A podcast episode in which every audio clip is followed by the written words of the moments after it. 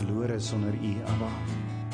En daarom wil ons vanmiddag net kom stil word. Vader, ek kom ek kom bind nou die vyand in Yeshua se naam jou die tyd wat U vir my gee, Vader, en jy sal van hierdie plek af weggaan. Ek bid, Vader, vir U vuur reg rondom hierdie plek van van die ooste, weste, suide, noorde van hierdie plek en ek bid Vader dat u wolk, u teenwoordigheid hierdie plek sal toesak Vader dat ons u nie net u eers maar nie u teenwoordigheid is alomteenwoordig Vader. Ek bid vir u manifesterende teenwoordigheid. En Vader dat u vanmiddag met elke hart sal praat. Net u woord net u waarheid Vader. Abba we long for you. We long for you. Abba kom praat met my. Kom praat met my Boeta. Kom praat met my.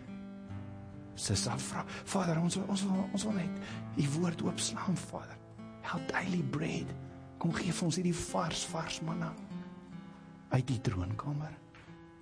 Dankie Vader dat ons u nou kan stil raak voor u en en dat ons weet u praat met elkeen van ons. Maak ons oë en ons ore oop. Vader, as daar enige valsheid uit uit is, jag ons dit weg in Yeshua se naam kom raak hierdie mond aan met die vuurkoel. Ek bid dit alles in Yeshua se naam, die seun van Jahweh. Amen. Amen. Julle deel van hierdie fees van tabernakels is meer en meer tyd in Vader se teenwoordigheid en om um, hom te aanbid in waarheid en in gees en en om om regtig diep in te druk in aanbidding en dis wat ons doen. So ons gaan nie ons gaan nie by die genorm van die kerk bly deur drie liedjies in die psalmboeke en dalk een gesang. Ons gaan nie daai doen nie. Ons gaan so 'n bietjie verder indruk in Abba se woord en en hom vertrou want wanneer ons hom aanbid, dan um, praat hy met ons. So julle Shabbat Shalom. Ehm um, dis Abba Vader se fees van tabernakels en ons weet Abba Vader het vir ons sewe bestemde tye feeste gegee as as ewige insettinge. Dis dis dis afsprake wat hy gemaak het al Genesis 1 vers 14.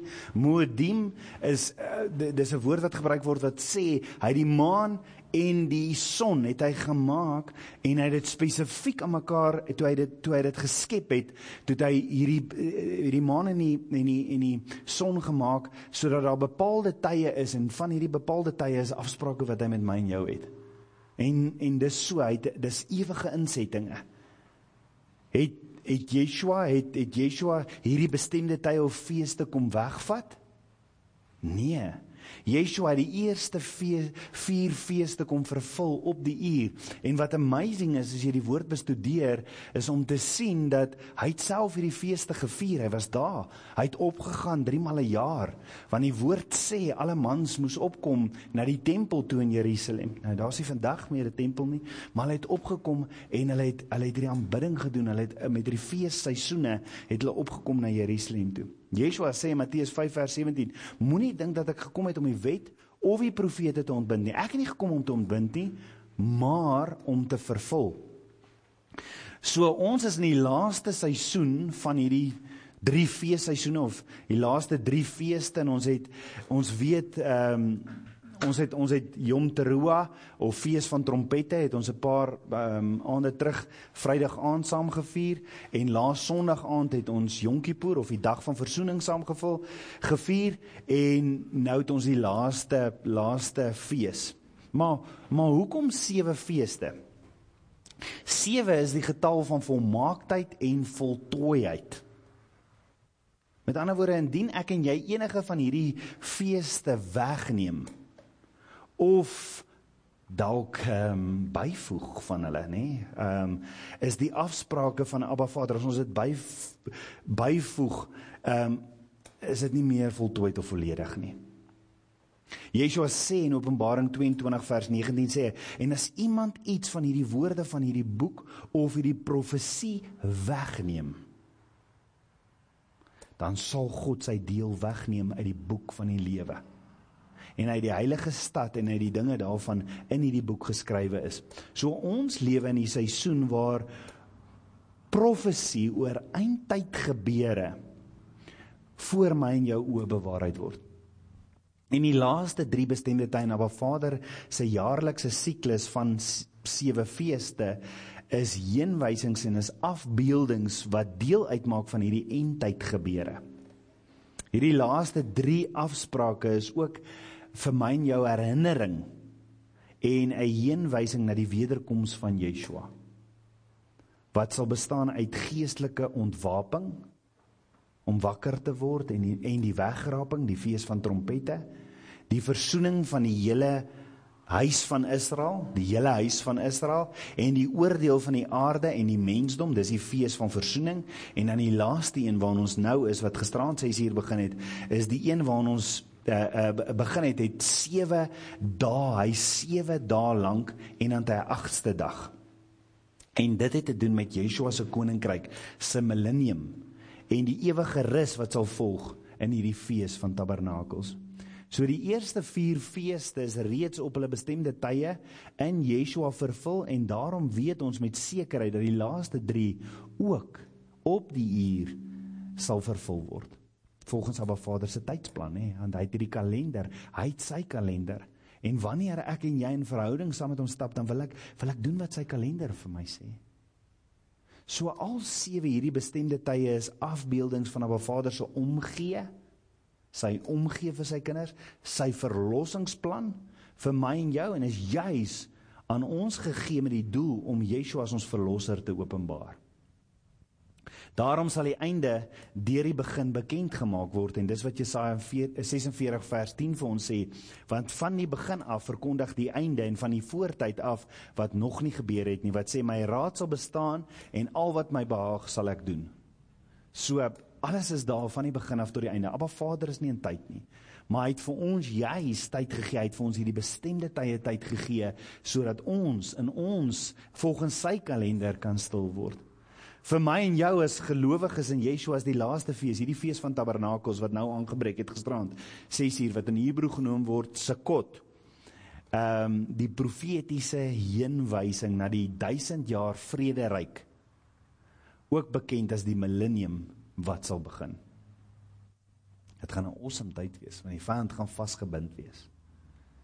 Dit is 'n heenwysing na die tydperk waar Yeshua as koning en priester hier op aarde sal reageer, regeer. Ons weet, ons weet die fees van tabernakels is ook 'n afbeelding van 'n geestelike tog deur die woestyn op pad na die beloofde land toe. Dit vir my so amazing is ons so sit net tabernakel en toe ons so lekker aanbid het, toe toe loop daar so groot spinnekop hier verby en hy klim binne in my tas in. Ja, so ek sal nou Wie sal my tas afdra? Wie wat's amazing nee, is, is dat Abba Vader wys vir ons hierdie goeie. So nou weet ek, waar is die gevaar? It's amazing. Hy het my gewys terwyl ons gehoorship het. En dit is presies wat in ons gebeur. Hy wys vir ons profetiese prentjies van dinge wat gaan gebeur. Die vyand gaan kom. Die vyand gaan kom. Hy gaan jou wil aanval, maar ek het jou nou vooraf gewys. So, en dis hierdie woestyntydperk waardeur ons gaan, nê. Nee, dis hierdie woestyntyd, maar die die amazingste gedeelte is as ons op pad na hierdie beloftes, hierdie voorsiening van Abba Vader want hy het nog steeds deur hierdie woestyntydperk deur het hy voedsel, hy het manna voorsien. Hy het 'n wolk van beskerming voorsien. Water om te drink en klere en skoene. Hy voorsien. En net soos Abba Vader ook op bonatuurlike wyse tydens my en jou aardse wandel in my en jou behoeftes voorsien. Partykeer is ons so bietjie onvergenoegdsaam en wil ons dalk meer hê as wat ons het, maar maar as ons net vir 'n oomblik moet stil sit, hoeveel goeder kan ek en jy nie regtig voor dankie dankbaar wees en sê dankie Abba Vader. So Abba Vader voorsien terwyl ons op pad is na die belofte, die ewigheid saam met Abba Vader toe. En Filippense 4 vers 9 sê en wat julle geleer het en ontvang het en gehoor het en my gesien het, doen dit en die God van vrede sal met julle wees. So wat ons van Abba Vader uit sy woord leer, doen dit en die vrede van Abba sal met jou wees. Hy Shalom vrede sal met jou wees. So hierdie fees dien dis ook as 'n herinnering van die tydelikheid van ons lewe hier op aarde. En dis hoekom ons daai soeka gebou het wat daar buite staan ehm um, met die palmtakke, want dit is wat hulle gedoen het en dis waarna hulle gewoon het, is hierdie tydelikheid. En ons gaan baie meer daaroor praat. Daarom moet ek en jy nie geheg raak aan aardse dinge nie. Al seën ons hemelse Vader ons oorvloedig. Ons moenie geheg raak aan wêreldse goederes nie. Ons kan dit nie saamvat nie. Deuteronomium 8 vers 17 tot 18. Dit dien as 'n herinnering dat dat alles wat ons besit en en wat ons bereik het slegs genadegawes uit Abba Vader se hand is. My en jou prioriteit moet daagliks die soek na Abba Vader se koninkryk en sy geregtigheid bly. Matteus 6 vers 33. Soek alleeers die koninkryk van God. Iets wat terwyl ons hierdie tabernakel gebou het, ek en Peer het dit baie kere gesê, soek eers die koninkryk van God. Abba Vader het dit vir ons soveel keer gewys en vir almal wat betrokke is. Die fees van tabernakels is is is met ander woorde 'n danksegging, is 'n geleentheid om te sê dankie dat Yeshua reeds een keer gekom het. Maar dit is ook geleentheid om opnuut ons verlange na daardie dag wat ons saam met hom as die koning van konings hierdie fees sal vier. Ons gaan hierdie fees saam met hom vier as die bruid, as sy bruid. So elke gelowige se geestelike tog sal eindig met die viering van hittefees saam met Yeshua. So Abba Vader se woord sê die feestydde van Abba Vader sal 'n ewige insetting wees. So mag ons die koninkryk van Abba Vader en sy geregtigheid alle eer soek en mag hierdie fees ook vir jou 'n kleuterrepetisie wees van Yeshua se volgende koms. Dit is so lekker om te weet wat gaan gebeur. Wat is die volgende stap? Nê. Nee, So kan jy dink as Yeshua ons kom haal, dan gaan ons weet wat is wat gaan volgende gebeur. En so leer Abba ons. Ons gaan in die tyd van Sukkot fees van Tabernakels Abba Vader vertrou. Ons as 'n as 'n klein groepie en soos wat mense bykom, gaan ons Abba Vader vertrou om ons te leer hoe om hom te nader. Abba Vader se woord sê hy wil ons hy wil hê ons moet hom nader. Die vraag is egter het jy 'n behoefte om op 'n Vader te nader. Hoor gou wat sê Dawid. Dawid sê in Psalm 16 vers 11: U sal my die pad van die lewe bekend maak. Versadiging van vreugde is voor u aangesig. Lieflikhede in u regterhand vir ewig. Voel jy so vandag? Gou weer wat sê Dawid: Versadiging van vreugde is voor u Abba Vader, is voor u aangesig. Is dit is dit wat jou die gelukkigste maak deur om nou net so te worship en te sê my Vader, die versadiging van my vreugde is voor u aangesig. En dan sal Abba Vader die pad van die lewe vir jou bekend maak. Weet jy waartoe jy op pad is? Want Abba Vader sê hy sal vir ons dit wys. Met ander woorde, hoor gou mooi, ek en jy kan nie meer vreugde in hierdie lewe kry as in die teenwoordigheid van Abba Vader nie. En dit is dit is dis 'n soeke wat ek het in hierdie fees van Abba om net in sy teenwoordigheid te wees en en en en Vader dis vir my genoeg. Daarom wil ek nie hierdie middag moet verbygaan nie. Ons kan soos uh uh um Mosia vra Vader laat die laat die son net vir 'n oomblik stil staan. Laat ons horloges net stil staan. Ons wil in U teenwoordigheid wees. Niks met ons aanjaag nie. So die vraag is, is dit waarna jy soek? Is dit waarna jy soek? Want hoor wat sê Dawid in Psalm 37 vers 4: Verlustig jou in die Here, dan sal hy jou gee die begeertes van jou hart. Joh, Julle is vir my so mooi hierdie Psalm 37 vers 4 verlustig jou in die Here dan sal hy jou gee die begeertes van jou hart. Ons gaan in hierdie volgende tyd kyk en ons gaan vandag kyk na Jesaja hoe hy Abba Vader genader het. Ons gaan kyk hoe Hanna Abba Vader genader het en dan sê Vader verlustig jou in die Here en dan sal hy jou gee die begeertes van jou hart.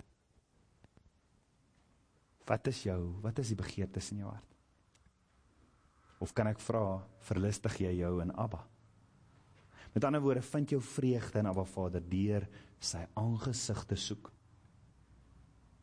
Ek het so be, was so bevoorreg om net maandagmiddag te kom afsluit en net hier op die grond te kom lê en te sê Vader, ons soek u aangesig.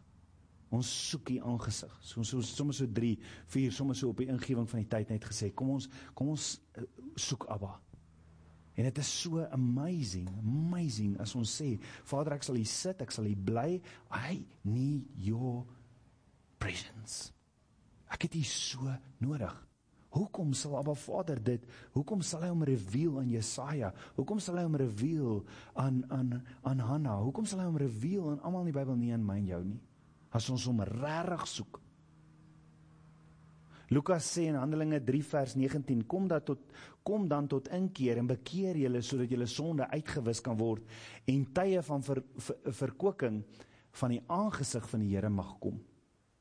Want as ek in die aangesig van Abba Vader kan kom, versadiging van vreugde is voor Abba Vader se aangesig. Is jy is jy lus om so versadig te word van vreugde? Is in Abba se presence. So in Jesaja 6 gaan Jesaja deur 'n geweldige geweldige moeilike tyd. En hy toe 'n ontmoeting met Abba Vader en so kom ons lees dit saam vir die wat wil. Jesaja 6 En Jes, Jesaja is is is as profeet geroep toe nou ook in hierdie tyd, maar Jesaja 6 vers 1: In die strafjaar van koning Usai het ek die Here sien sit op 'n hoë en verhewe troon terwyl sy some die tempel gevul het. Nou die tempel weet ons dit was eers die tabernakel en toe bou hulle die tempel presies volgens die afmate en die goeders van die dalk 'n bietjie groter was groter, maar presies volgens die tabernakel. En die tabernakel en die tempel is alles afbeeldings van 'n Vader se troonkamer in die hemel, Openbaring 4. So koning Isaai ehm um, het op die troon gesit en en ehm um, ek gaan gou-gou weer lees van, van Jesaja 6 vers 1. In die strafjaar van koning Isaai het ek die Here sien sit op 'n hoë, Jesaja praat, op 'n hoë en verhewe troon terwyl sy so met die tempel gevul het. So Abba Vader se teenwoordigheid in die tempel kom vul. Mag Abba se teenwoordigheid vanmiddag hierdie tempel so kom vul. Serafs het bo gestaan, twee engele het bo gestaan. Elkeen het ses vlerke gehad. Met twee het hy sy aangesig bedek en met twee het hy sy voete bedek en met twee het hy gevlieg. En die een het die ander een toegeroep en gesê: "Heilig, heilig is die Here van die leerskare. Die hele aarde is van sy heerlikheid vol." en die drempelposte het die drempelposte het gebewe van die geluid van die roepers en die huis het vol rook geword. Die huis het vol rook geword. Ek gaan dit net so 3 keer noem want hy moet by jou vasplak. Ons gaan dit oor hierdie volgende week bespreek. Toe het hy gesê: "Wee my, ek is verlore." Jesaja sê toe hy Abba Vader se teenwoordigheid so ervaar, toe sê hy: "Wee my, ek is verlore, want ek is 'n man onrein van lippe. Presies dieselfde woorde as wat Moses gebruik het toe hy by die brandende bos was. Ek is 'n man onrein van lippe en woon onder 'n volk wat onrein van lippe is, want my oë het die koning, die Here van die leerskare gesien. Maar een van die serafs het na my toe gevlieg met 'n gloeiende kool in sy hand wat hy met 'n tang van die altaar afgeneem het. En my mond daarmee aangeraak en gesê kyk dit het jou lippe aangeraak en jou skuld is weg en jou sonde versoen. Daarop hoor ek hoor ek die stem van Jahweh wat sê wie sal ek stuur en wie sal vir ons gaan toe antwoord ek hier is ek stuur my Ons gaan so tot sover lees. So ek herhaal toe antwoord Jesaja, hier is ek, stuur my. Met ander woorde in die geval van Jesaja wat Abba Vader se soom en hierdie engele sien, leer Abba Vader ons, hy leer ons 3 dinge as ons in die teenwoordigheid van Abba Vader kom. Hy leer ons 3 goeters. En dit is belangrik want Abba Vader nooi ons in hierdie tydjie van Tabernakel Eh, fees van tabernakels nooi hy ons sy teenwoordigheid. Hy hy wil saam met my in jou tabernakel. Hy wil saam met my in jou dwel. So dan leer Jesaja ons 3 dinge ehm um, oor as ons in die teenwoordigheid van 'n Vader kom. Die eerste een is die eerste ding wat ons gaan leer is hoe groot en almagtig die skepper van hemel en aarde is. Abba Vader is hoog en hy's verhewe. Ek en jy kan nie met hierdie blasey houding na hom toe kom nie. Ons het ons moet met ontzag na hom toe stap. Na hom toe om nader. Nou hierdie met Jesaja het alles gebeur plus minus 740 voor Christus. In die sterfjaar van koning Usai en meeste van ons ken die groot konings. Ons ken koning Saul, ons ken koning Dawid, ons ken koning Salomo, maar hier praat Jesaja van koning Usai wat 'n goeie koning was. Hy was in beheer vir 52 jaar wat 'n lang tyd is om te regeer oor 'n volk, is dit nie? Usai wat se naam beteken my strength is Yahweh. Dis 'n goeie koning. Dis 'n goeie koning. My strength is Yahweh. Dis waar ek my krag vandaan kry. Hy het koning geword, koning Usai toe hy 16 jaar oud was. En hy het dadelik dat die volk Abba Vader aanbid. Hy het gesê julle ons ons aanbid Yahweh Elohim. En omdat sy hart rein was voor Abba Vader, het Abba Vader hom geseën en hy was 'n goeie koning. Hy het baie stede van die Filistyne oorgeneem as jy die studie gaan doen en deur Abba Vader wat met hom was, het die grondgebied van die volk Israel baie vergroot. En groot seën, vrede en voorspoed was met die volk omdat hulle Abba Vader aanbid het. 'n Paar jaar voor koning koning Usai gesterf het, het die koning van Sirië uitgegaan om baie mense oor te neem, baie volke oor te neem. Maar sou nie in Israel ingaan nie as gevolg van die beheer, as gevolg van koning Usai wat Abba Vader aanbid het en hy het geweet Vader se beskerming is oor hulle. Hierdie koning van Sirië was bang vir koning Isaai. Omdat koning Isaai sy sterkte gekry het in Abba Vader. Maar toe koning Isaai sterf, toe is die hele volk bang. Toe is die hele volk bang. Hier's nou 'n probleem. Want sy seun wat die opvolg koning was, was nie 'n goeie koning nie. En het nie sy krag in Abba Vader gevind nie. Daarom het hy nie die vermoë gehad wat sy pa gehad het nie. Jy sien omdat koning Usai Abba Vader aanbid het en sy krag in Abba Vader gevind het en saam met Abba Vader gewandel het in verbond in verbond. Hy het Abba Vader se instruksies gehoorsaam. 'n Koning destyds moes volgens die Torah moes hy die Torah gehoorsaam en onderhou het. Vandag is ek en jy die koning priester en die profeet van ons huise, is dit nie? Maar Vader het wysheid gegee en het koning Usai oorloë strategies uit vir hom eh, strategiese oorloë 'n uh, eh, um, strategie geïmplementeer wat vandag nog bekend is. 2 Kronieke 26 vers 14 tot 15 sê en Usa het vir hulle vir die hele komando skilde aangeskaf en spiese en helms en pansers en bo en slingerstene. Ook het hy in Jerusalem oorlogswerktuie gemaak, 'n uitvinding van 'n kunstenaar wat op die torings en op die hoeke moes staan om met pile en groot klippe te skiet. En sy roem is voorberei want hy's wonderbaarlik gehelp totdat hy sterk geword het. So Abba Vader het vir koning Isaïe geweldige wysheid en insig gegee wat wat hom so sterk gemaak het. Dit was Abba Vader se teenwoordigheid. Alles te danke aan Abba Vader. Maar hier is die hartseer gedeelte. Want koning Usaïe se sukses het kop toe gegaan. Hy het, hy het in hoogmoed begin stap aan die einde van sy lewe. En hoe sad is dit? In Spreuke 6 vers 16 sê: "Abba Vader haat hoogmoed. Hy haat hoogmoed." Koning Usai se hart het hoogmoedig geword wat beteken hy het Abba Vader se hand gelos. Hy het begin dink it's all thanks to me. En hy het begin wegbeweeg van Abba Vader af. Hy het nie meer Abba Vader se aangesig gesoek nie. 2 Kronieke 26 vers 16 sê, maar toe hy sterk geword het, was sy hart hoogmoedig. So ek maak dit nie, dit staan so 2 Kronieke 26 vers 16. Maar toe hy sterk geword het, was sy hart hoogmoedig. sodat hy baie verkeerd gedoen en ontrou gehandel het teen die Here sy God, want hy het in die tempel van die Here gegaan. Hoor wat het hy gedoen? Want hy het in die tempel van die Here gegaan om offerrook te laat op opgaan op die reukaltaar. Hoekom was sy hart hoogmoedig? Die woord sê hy het verkeerd gedoen en hy het ontrou gehandel. Hoe so? Nou om te verduidelik, baie keer in die woord word gepraat van die goue altaar. Hoe mooi is ons goue altaar?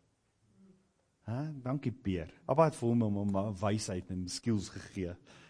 Dankie Abba. Dankie Peer. So baie keer in die woord word gepraat van die goue altaar of partykeer word net gepraat van die altaar. En dan verwys dit na die goue altaar, die altaar of altar of incense. Nou die goue altaar het voor die voorhangsel gestaan.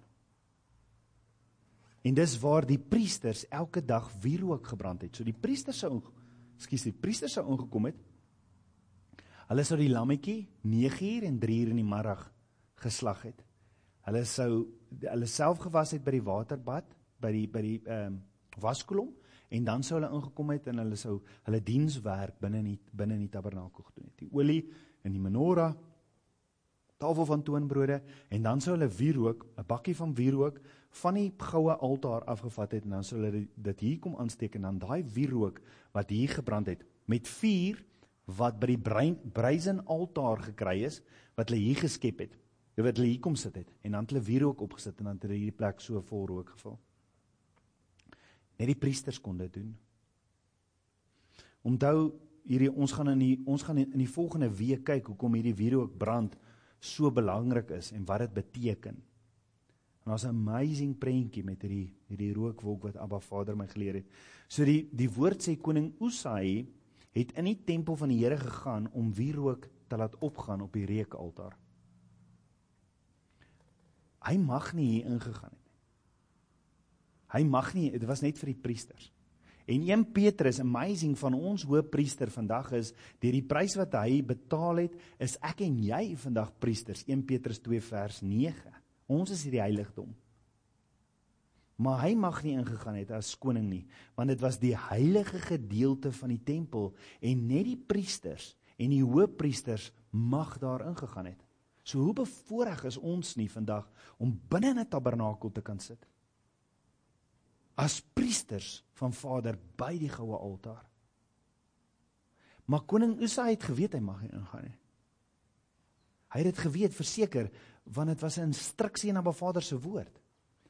Dat die koning en die, die konings moes die instruksies nagekom het. Hulle moes dit geken het. Hulle moes hulle moes hulle eie Torah gehad het.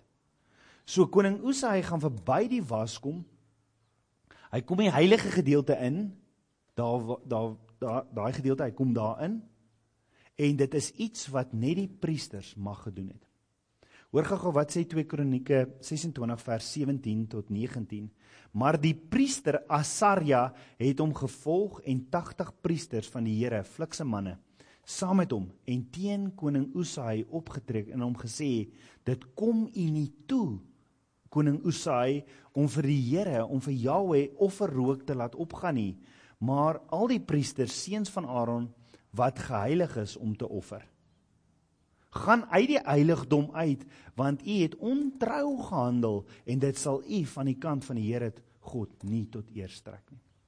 En dit is so amazing want hierdie storie as jy nie twee koning ag as jy nie twee kronieke ehm um, by Jesaja 6 sit nie dan hoe gaan jy verstaan eintlik wat gebeur nie. En dis hoe Abba Vader sê in Spreuke 25, hy hy laat ons net sekere goeder sien. Maar as ek en jy 'n soeke het vir dieper, dan vat hy ons dieper en dan en dan is dit soos 'n wow, is dit wat hier gebeur? So so koning Usai het woedend geword. Hy ek meen hierdie priesters kom sê vir hom wat hy nie mag doen nie. Want koning Usai se hart het hoogmoedig geword. Sy hart het hoogmoedig geword. So koning Usa het het nie daarvan gehou dat die priesters hom die waarheid kom vertel het nie soos wat baie mense nie vandag daarvan hou as ons die waarheid praat en sê daar sekere instruksies in Baba Vader se woord nie. Hoor wat sê 2 Kronieke 26 vers 19 tot 21, maar Usai het woedend geword en terwyl hy met die wierookpan in sy hand woedend was op die priesters, slaan hy met eens die melaatsheid op sy voorhof uit voor die oë van die priesters in die huis van die Here langs die reukaltaar. Hoe amazing is dit om hierdie te kan lees en ons kan dit sien. Dis dis in die tempel baie ons verstaan. Ons verstaan hierdie prentjie. Hoekom verstaan ons dit? Want Abba Vader wil dit ons leer. Daar's dieper wat hy vir ons wil leer. En hoe amazing is en Yeshua het alles geleer met voorbeelde en prakties en met stories want Abba Vader wil hê ons hy weet hy weet ons as sy kinders verstaan dinge net soveel beter as ons dit prakties sien. So toe Asaria die hoofpriester en al die priesters na hom kyk en sien dat hy melaats was aan sy voorhoof het hulle hom gou-gou daarvan weggedrywe En hy het ook self gou-gou gemaak om weg te kom want die Here het hom aangeraak, aangetas sê die woord. En koning Isaïe was melaats tot die dag van sy dood toe. As jy saam met my in die jaar deur gewerk het en Rochelle luister ook nou dan weet jy hoekom kry jy melaats? Rebellie. Es kom die roetwoord is rebellie. Daar's 'n rebellie teenoor Abba Vader se diensknegte teenoor sy woord. Daar's 'n rebellie.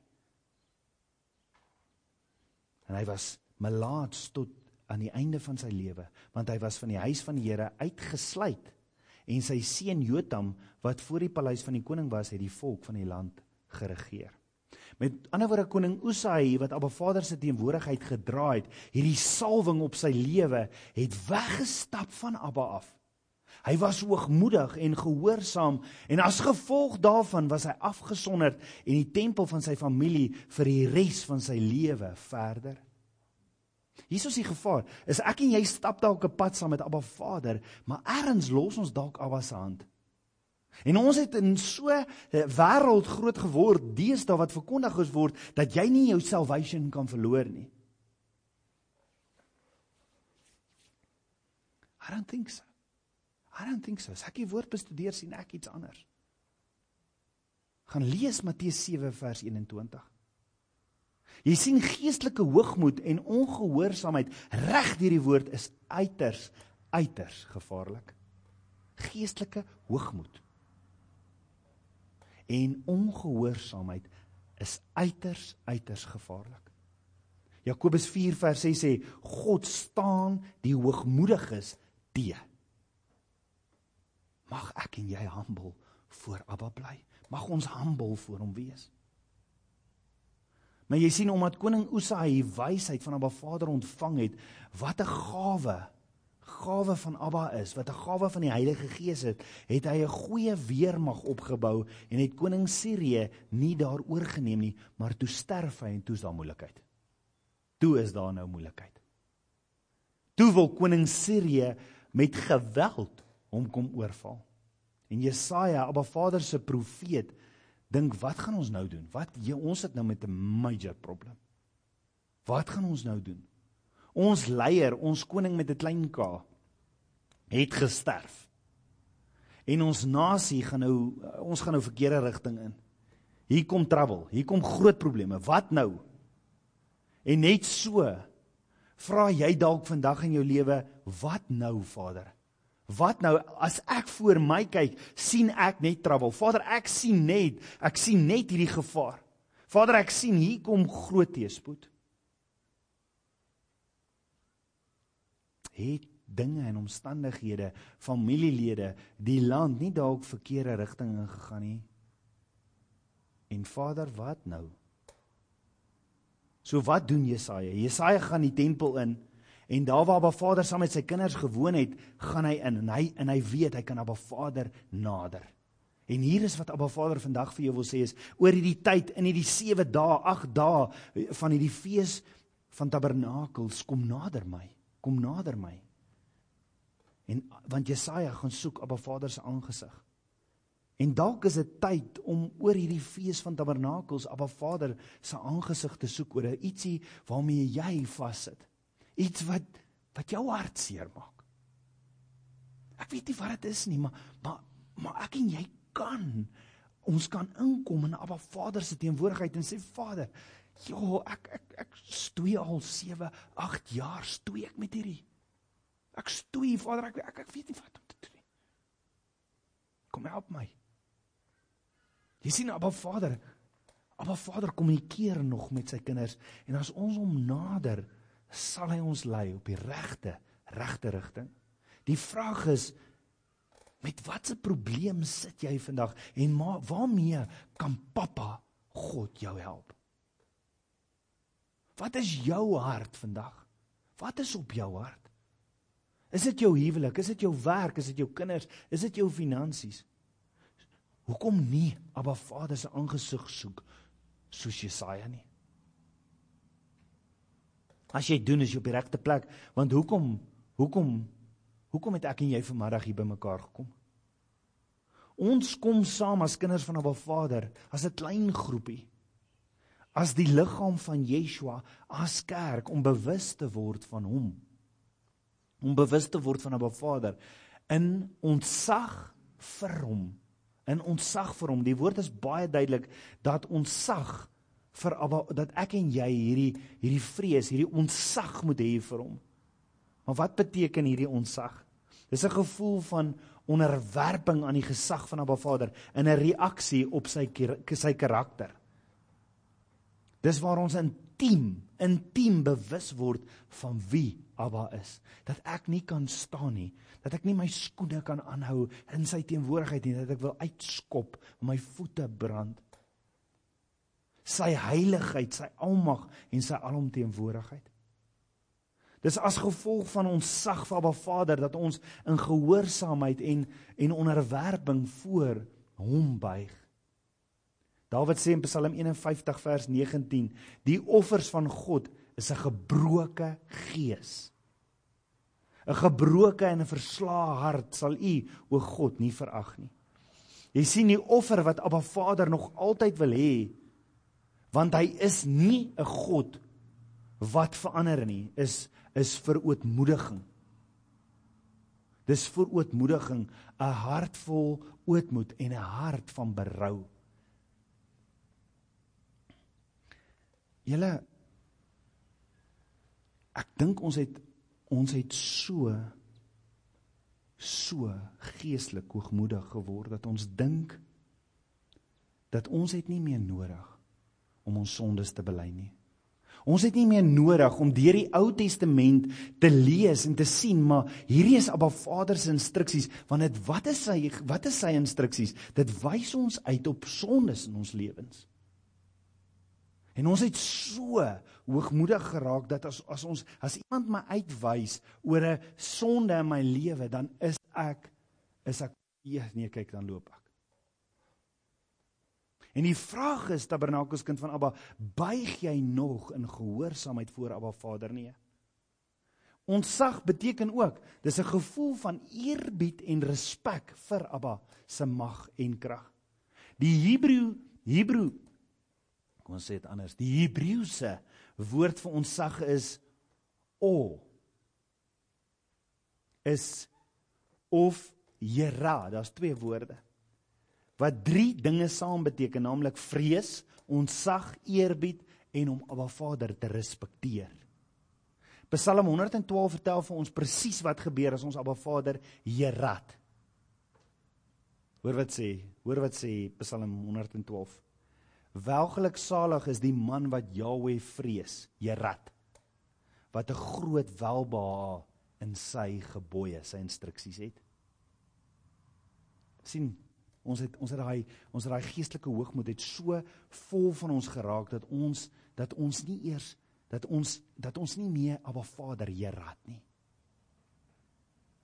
Maar ek gaan verder. Welgeluk salig is die man wat Jahweh vrees, Herat wat 'n groot welbehaag in sy gebooi het. Sy nageslag sal geweldig wees op die aarde. Die geslag van die opregtes sal geseën word. Oorvloed en rykdom is in sy huis en sy geregtigheid bestaan tot in ewigheid. Vir die opregtige gaan hy op as 'n lig in die duisternis, genadig en barmhartig en regverdig. Gelukkig die man wat hom ontferm en uitleen wat sy sake sake volgens sy reg besorg.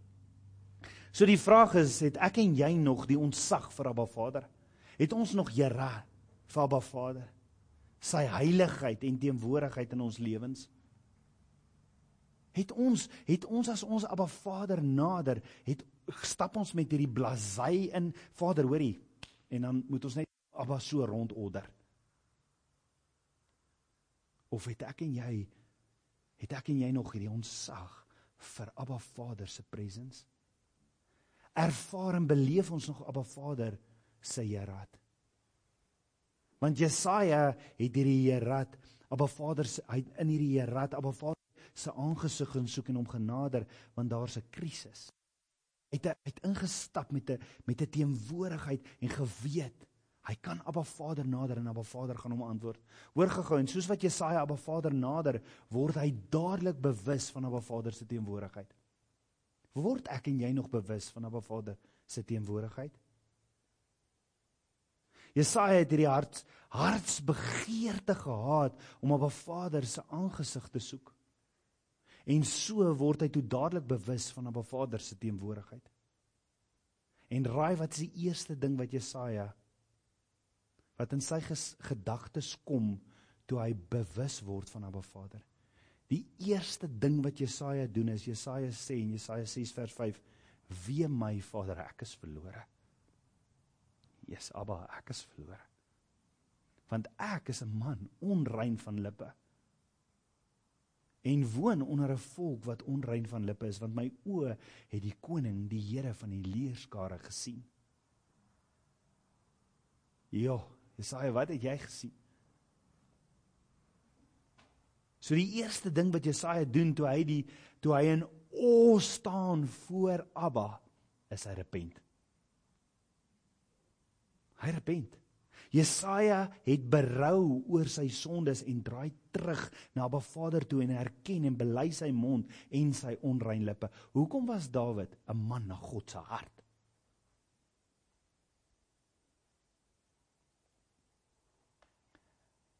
Deur grond my Vader en kyk of daar iets in my hart is wat nie reg is nie. Hy het altyd gevra Vader, as daar enige iets is wat nie reg is nie, wys my. Hoekom het ons so bang geraak om vir om voor Abba Vader te repent en vir hom te vra dat daar as daar iets is nie nie reg is nie, wys my. Dawid sê in Psalm 34 vers 14: Bewaar jou tong vir wat verkeerd is en jou lippe dat hulle nie bedrog spreek nie. Jy sien om te kommunikeer is een van die belangrikste kenmerke van die mensdom. My en jou mond, ons tong, ons lippe is kragtige instrumente wat dinge aan mekaar bind. Maar dink daaroor. Wie het jy al ooit wie het al ooit nê die verkeerde ding gesê in 'n situasie? En jy het eintlik so goed bedoel. Maar dan het dit dinge net so so so vererger. Jy sien Abba Vader leer my toe hulle sy seun Yeshua wou wou opgee om gekruisig te word, toe bly hy stil. Yeshua het stil gebly. Want Abba Vader leer my dikwels kan stilte die heiligste en die korrekste reaksie wees. Soms om net te sê ek hoor wat jy sê is genoeg. En dalk moet ons leer om minder te sê en dalk meer te wees. Hoeveel bemoediging kom uit my en jou mond uit? Jy sien in die mond is die mag van lewe of dood. So wat doen Jesaja, hierdie profeet of spreekbuis van Abba Vader? Hy doen heel eers in Abba Vader se teenwoordigheid. Jesaja het berou. Hy kom dadelik agter. Hy kom dadelik agter, maar o, jete, Vader, ek kom in u teenwoordigheid en ek is vuil. Ek is 'n man van onrein lippe. En miskien net so het ek en jy nodig om bewus te word van Abba Vader se teenwoordigheid en en om aanbid in hierdie ontsag en en en en met hierdie Here. Hoekom? Sodat Abba ons kan korrigeer. Vir ons rigting kan aanwys en sodat hy ons kan inspireer sodat ons by die bestemming kan uitkom wat hy vir ons lewens het.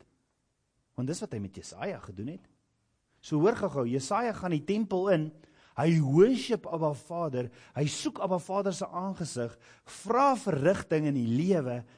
Hy het berou en bely sy sondes en kom uit die huis van Abba Vader uitgestap met 'n openbaring van Abba Vader. Die openbaring waarmee Jesaja uitkom is die koning met 'n klein k. Hy's dood. Maar die koning met 'n hoofletter K, hy sit op die troon. Hy's in beheer. Dis die openbaring waarmee Jesaja uitkom. En dalk het ek en jy hierdie openbaring nodig in hierdie tyd van hierdie fees. In hierdie tydjie waar ons Abba Vader gaan nader en in sy teenwoordigheid kom sit.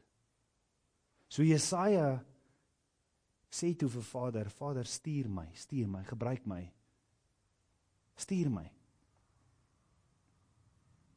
Waarvoor sê Jesaja stuur my? Abba Vader sê in Jesaja 6 vers 9 tot 13 dat hy die volk moet gaan waarsku.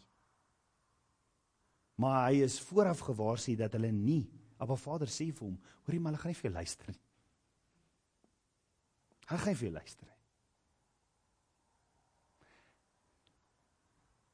Is dit hoekom dalk dalk 'n rede hoekom Abba Vader gesê het ons met 'n tabernakel bou vir mense te leer dat Abba Vader is 'n God wat nie verander nie.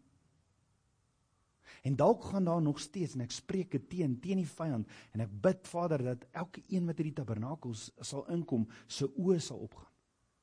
En dat hulle sal sien hoe hy ons roep in verbond in. Maar hoor gou, daarom sê Jesaja vir hoe lank sal hulle nie luister nie, Abba? Hoe lank sal hulle nie luister nie?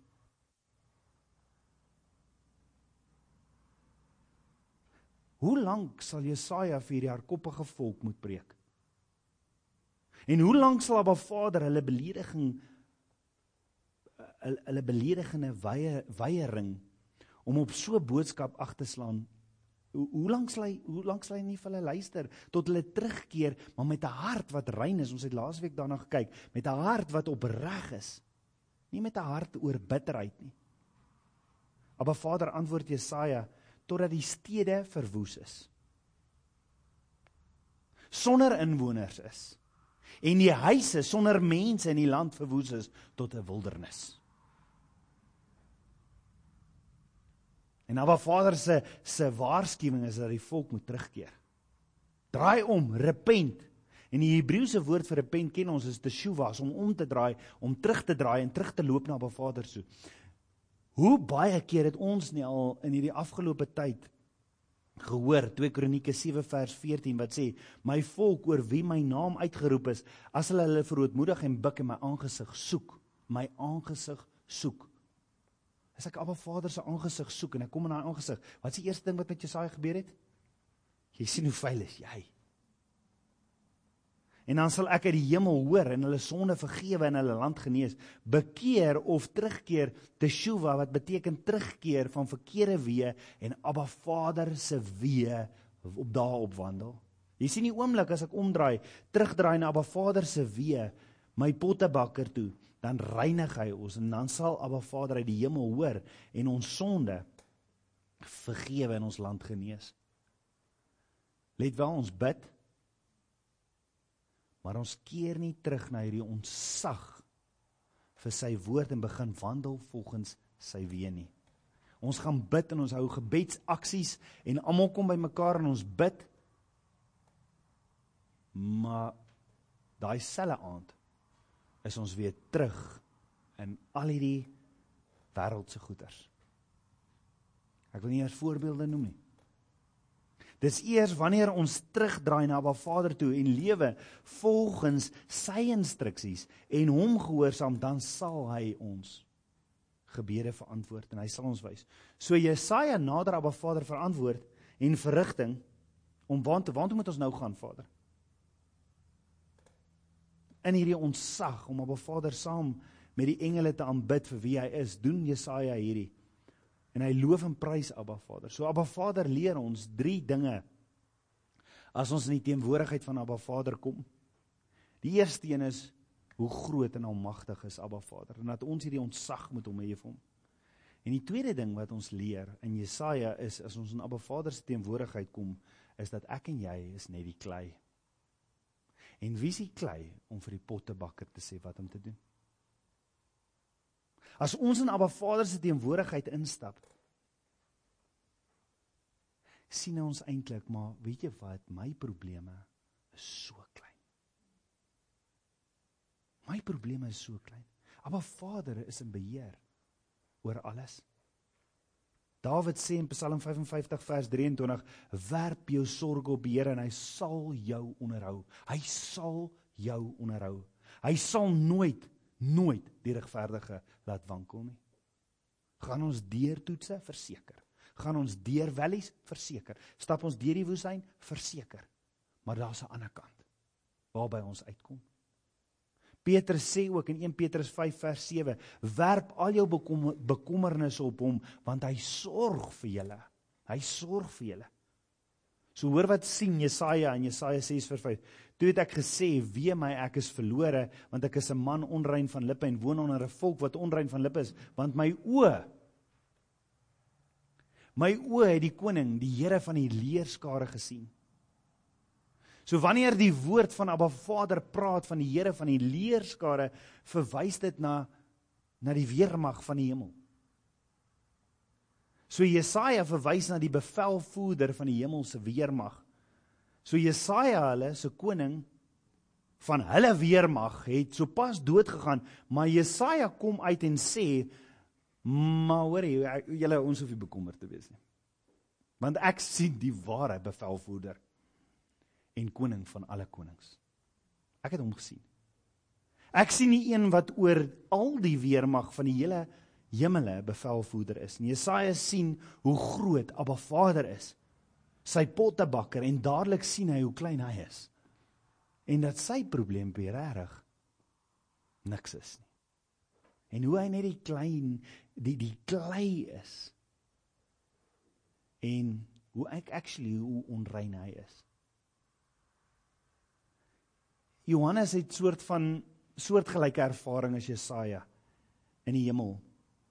Want hy sê in die hemel ehm uh, hy Johannes het dieselfde ervaring gehad as Jesaja. Want in Openbaring 4 vers 8 staan en die vier lewende wesens het elkeen vir homself ses vlerke gehad en hulle was rondom en van binne vol oë en hulle het sonder ophou dag en nag gesê presies wat die engele sê in Jesaja 6 Heilig, heilig is die Here, die God, die almagtige wat was en wat kom. Jy sien Abba Vader is so heilig dat Jesaja en Johannes wat in die troonkamer van Abba Vader kom dat hulle die engele sien sê heilig, heilig is die Here, die God van die almagtige. Dis die enigste kenmerk in Abba Vader se woord wat 3 keer van Abba Vader 'n kenmerk van hom wat 3 keer herhaal word in sy woord. Nêrens staan daar getrou, getrou, getrou nie. Alhoewel Abba Vader getrou is. Maar een heilig is nie genoeg om te beskryf hoe heilig Abba Vader is nie. Alles wat Abba Vader raak, is heilig. So Openbaring 5 vers 14 sê en die 24 ouderlinge het neergeval en Abba Vader aanbid wat lewe tot alle ewigheid. En hiersoos waartoe ons gaan in hierdie fees van tabernakels. Hoor gou-gou. Die Griekse woord vir aanbid hier is proskeneu. Proskeneu wat beteken net soos wat ons soms so vol vreugde wil dans. Weet jy so opgewonde, jy wil dans, soos wat ons met die fees van trompette almal met vlae gedans en dit is net amazing. Soms as ons so wil dans in Abba Vader se teenwoordigheid, raak ons ander kere so oorweldig deur Abba Vader se heiligheid dat ons net in nederigheid voor hom op die grond wil val. Net voor hom wil lê. Om uitgestrek voor hom te lê in totale nederigheid. Raai wat beteken proskuneo nog? Toe kies om te soen. Ware aanbidding is om te soen. Maar wat openbare soen? Of wat is 'n soen? 'n soen is 'n intieme daad. Net soos aanbidding die intiemste ding wat ek en jy kan ervaar. Om ons koning te aanbid is om hom te soen. In die geestelike riem is dit om van uit jou diepste binneste af om van uit jou hart uit liefde te betoon. En dis wat ons doen as ons voor as ons in Abba Vader se teenwoordigheid kom en ons aanbid hom. Dan moet dit nie ag, jete nou sing ons al weer daai song nie. Dis glad nie dit nie. Glad nie. Abba Vader ken daai hart. Maar as wanneer ek kom en sê Vader, ek kom in aanbidding voor U. Heilig, heilig is U Vader. Ek het hierdie ontzag vir U. Hoekom hoekom soen 'n mens? Soen is 'n is 'n uitdrukking van vreugde. Soen bring vreugde. So ware aanbidding is dis 'n uitdrukking van vreugde. 'n Mens soen as gevolg van liefde. Jy gaan nie sommer enige iemand soen behalwe Judas wat Yeshua gaan verraai het met 'n soen. Dis 'n valse aanbidding, nê? Nee. 'n Soen is niks anders as 'n uitdrukking van liefde nie. So wat is ware aanbidding dan? Is aanbidding is 'n uitdrukking van my en jou liefde vir Vader. En dis hoekom ons hierdie tyd gaan Abba Vader soek in aanbidding. Ons gaan hom soek want ons ons het hierdie liefde vir hom en daarom gaan ons stil raak en hom aanbid vir lang ure. En die vraag is hoekom aanbid ons nie Abba Vader meer en meer met hierdie liefde en hierdie ontzag nie? Wat het geword van daardie ontzag vir Abba Vader om hom so veel liefde te kan aanbid? Hoekom wil ons dink Jette kan hulle nou tog net klaar kry. Of jo, daai een se stem maak my ore huh. Wat ook al verskonings wie ook al het. Wat het geword van daai ontsag en daai liefde vir Abba Vader en dis hoekom ek uit my hele hart hom sal aanbid. Jy sien wanneer ons doen, dit is waar Abba Vader se teenwoordigheid is wanneer die bruid saamkom, dis waar Abba Vader se teenwoordigheid is. So Abba Vader leer ons, ons sien drie dinge as ons in die teenwoordigheid van Abba Vader kom. Hoe groot en almagtig Abba Vader is, hy is die pottebakker. Ons sien hoe klein ons is, ons is net die klei. En dan die laaste ding waarmee ek gaan afsluit is ons sien Abba Vader is genadig. En hy's 'n barmhartige God. Hy's lankmoedig en groot van goedertierenheid. Jesaja sê in Jesaja 6 vers 7, maar een van die serafs, die engele, het na my toe gevlieg met 'n gloeiende kool in sy hand wat hy met 'n tang van die altaar afgeneem het en my mond daarmee aangeraak en gesê het kyk dit het jou lippe aangeraak en jou skuld is weg en jou sonde is versoen. Amazing. Amazing. Die engel gaan haal 'n vuurkoel bring dit raak Jesaja se mond aan. Jou skuld is weg jou sonde is versoen. Dis die prys wat betaal is op die bronsaltaar op die kruis. Maar kan jy kan vir Abba Vader vra Jesus ek in sy teenwoordigheid kom Vader. Ek voel so vuil. Ek het soveel sondes. Dan kan Abba Vader jou kom vergewe deur die bloed wat betaal is aan die kruis. As ek en jy soos Jesaja Abba Vader nader, ons sondes bely, berou het daaroor, sal Abba Vader ons versoen. Dis wie Abba Vader is. Hy's 'n genadige en 'n barmhartige God. Hy's lankmoedig en groot van goeie intierenheid. Hy het so lief het hy die wêreld gehad dat hy sy enige gebore seun gestuur het. Die kruis is nie net 'n een eenmalige gebeurtenis. Dis elke dag het die priesters ingekom en by die bronsaltaar. Elke dag. Let wel, die bely en berou van sondes is 'n konstante ding in 'n lewe van 'n kind van Abba Vader. Psalm 145 vers 18 sê die Here is naby almal wat hom aanroep, almal wat hom aanroep in waarheid. So wanneer ons dan bewus word van Abba Vader se teenwoordigheid, dan sien ons sy heiligheid, sy grootheid, sy almag en ons val op ons knieë en sê soos die engele, heilig, heilig, heilig is U, Yahweh Elohim. Dan terwyl ek hom aanbid, kom sê Abba Vader vir my, hoor hier roep. Wat is hierdie in jou lewe? En dan val ek plat. Wat is hierdie hoogmoed in jou lewe roep? Wat is hierdie selfgesentreerdheid? Roep, wat is hierdie onrein lippe? Hoekom praat jy so van 'n kind van my? Hoekom skinder jy roep? Of of kom vloek jy? Jy sien Abba Vader doen dit nie om my en jou sleg te laat voel nie. Nee, Abba Vader is lief vir ons en help ons soos wat ek en jy ons kinders sal help as hulle foute maak. Met ander woorde, in Abba Vader se teenwoordigheid besef ons hoe sondig ons is en hoe vuil ons is en ek en jy repent en ons vra dan van Abba Vader om ons te vergewe want ons wil nie verder aangaan met dit wat so vuil is in ons lewens nie. En dan terwyl ons sondes ons sondes bely en berou het daaroor stuur Abba Vader soos in Jesaja geval 'n hengel met 'n vuurkoel wat hy gevat het van die altaar af waar die bloed van die lam geoffer is. En hy kom raak ons lippe aan en vergewe ons deur die prys wat betaal is op Golgotha. En dan kan ons nie anders as om te sê dankie, dankie, dankie Abba Vader.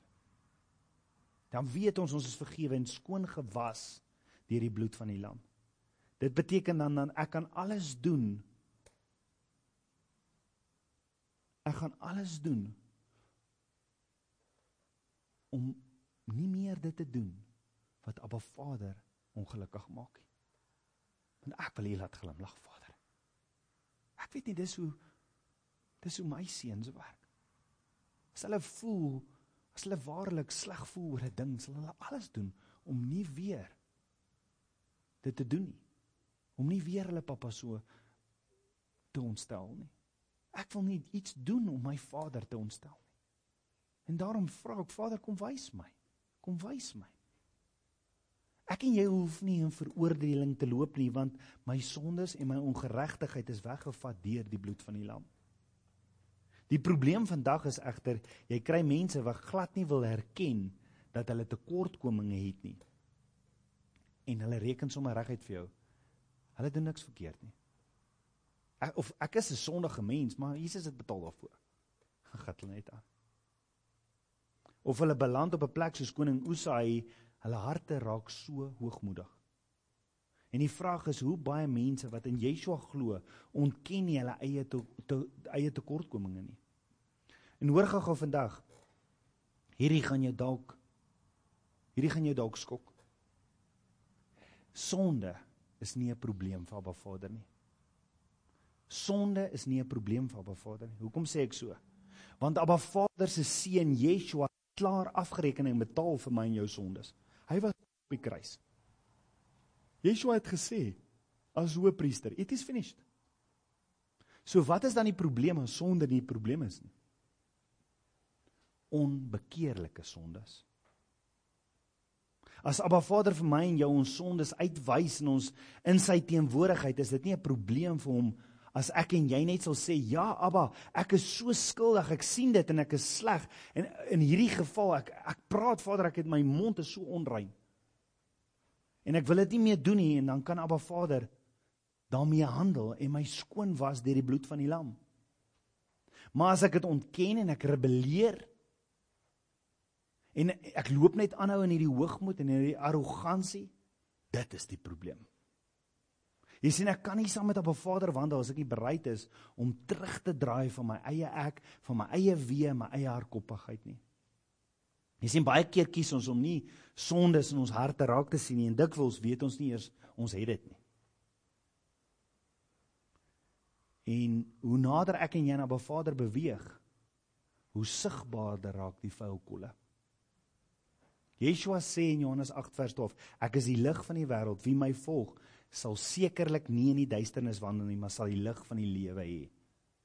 Met ander woorde, Yeshua is die lig en hoe nader ek aan hom beweeg, hoe meer gaan die vuil kolle in my lewe uitgewys word. En daar's hierdie spreekwoord wat sê deur 'n bekende wat sê it is when we notice the dirt that God is most present in us.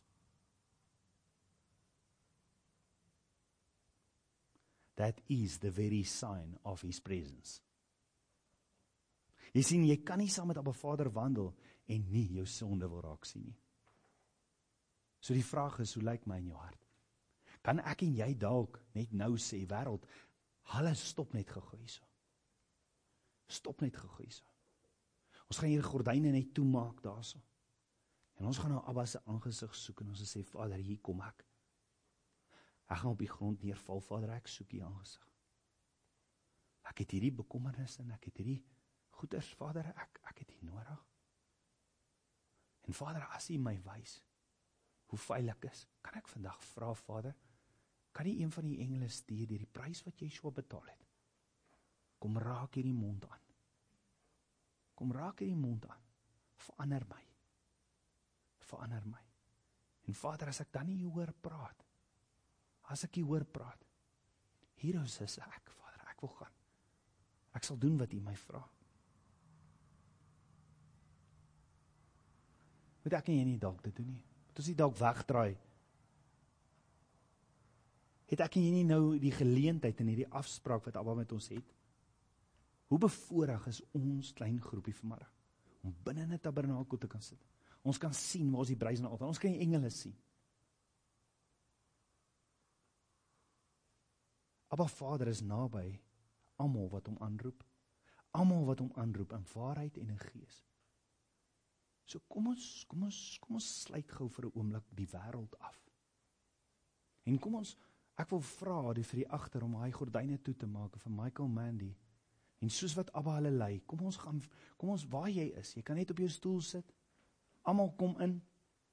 En kom ons kom ons soek Abba se aangesig. Kom ons begin hierdie fees van tabernakels so. Abba, ons wil U nader, Vader. Vader, ons wil U kom proskenieu. Ons wil U kom soen met ons aanbidding. En ons sny nou die vyand toe en dis hoekom ons profeties hierdie hierdie gordyne toemaak, Vader. Ons kom sny die vyand af, Vader. Ons wil U nader met ons hele hart en met ons hele siel en met alles in ons, Vader. Ons wil U nader, Vader. En ek bid, Vader, ek kom met met hierdie ontsag na U toe, Vader. Ek kom met hierdie ontsag na U toe en ek vra, Vader, Kom vat hierdie weg, Vader, kom wys vir ons. Kom wys vir ons, Vader, waarmee waarmee is wat ek so lank in my lewe mee stoei, Vader. Maar ek ek wil U nader. Ek wil U nader, Vader. I need you desperately, Daddy. I need you with my whole heart. Ek het die antwoorde nodig, Vader. Aber Vader, And when we are in your presence, Abba, kom wys my, waar's daar nog hier vuil, vuil plekke, Vader? Kom wys vir my waar maak ek u hart seer, Vader? O, Abba, kom raak hierdie lippe aan. Hierdie lippe wat so graag doodspreek. Wat don't care wat ek spreek, ek ek kan net doodspreek. Wat nie worry oor wat ek van mense sê nie. O Abba, kom raak hierdie lippe aan. Kom wys my Vader as ek enige geestelike hoogmoed in my het. Abba mag ons U nou kom soen met ons aanbidding. Is die liefdesaksie. Is die liefdesaksie Vader. I really, really, really love you. I really, really love you. and I will fall on my knees in front of you. You are my king. En ek weet ons sal uitstap met 'n nuwe openbaring, want ek vertrou U. But dit in Yeshua se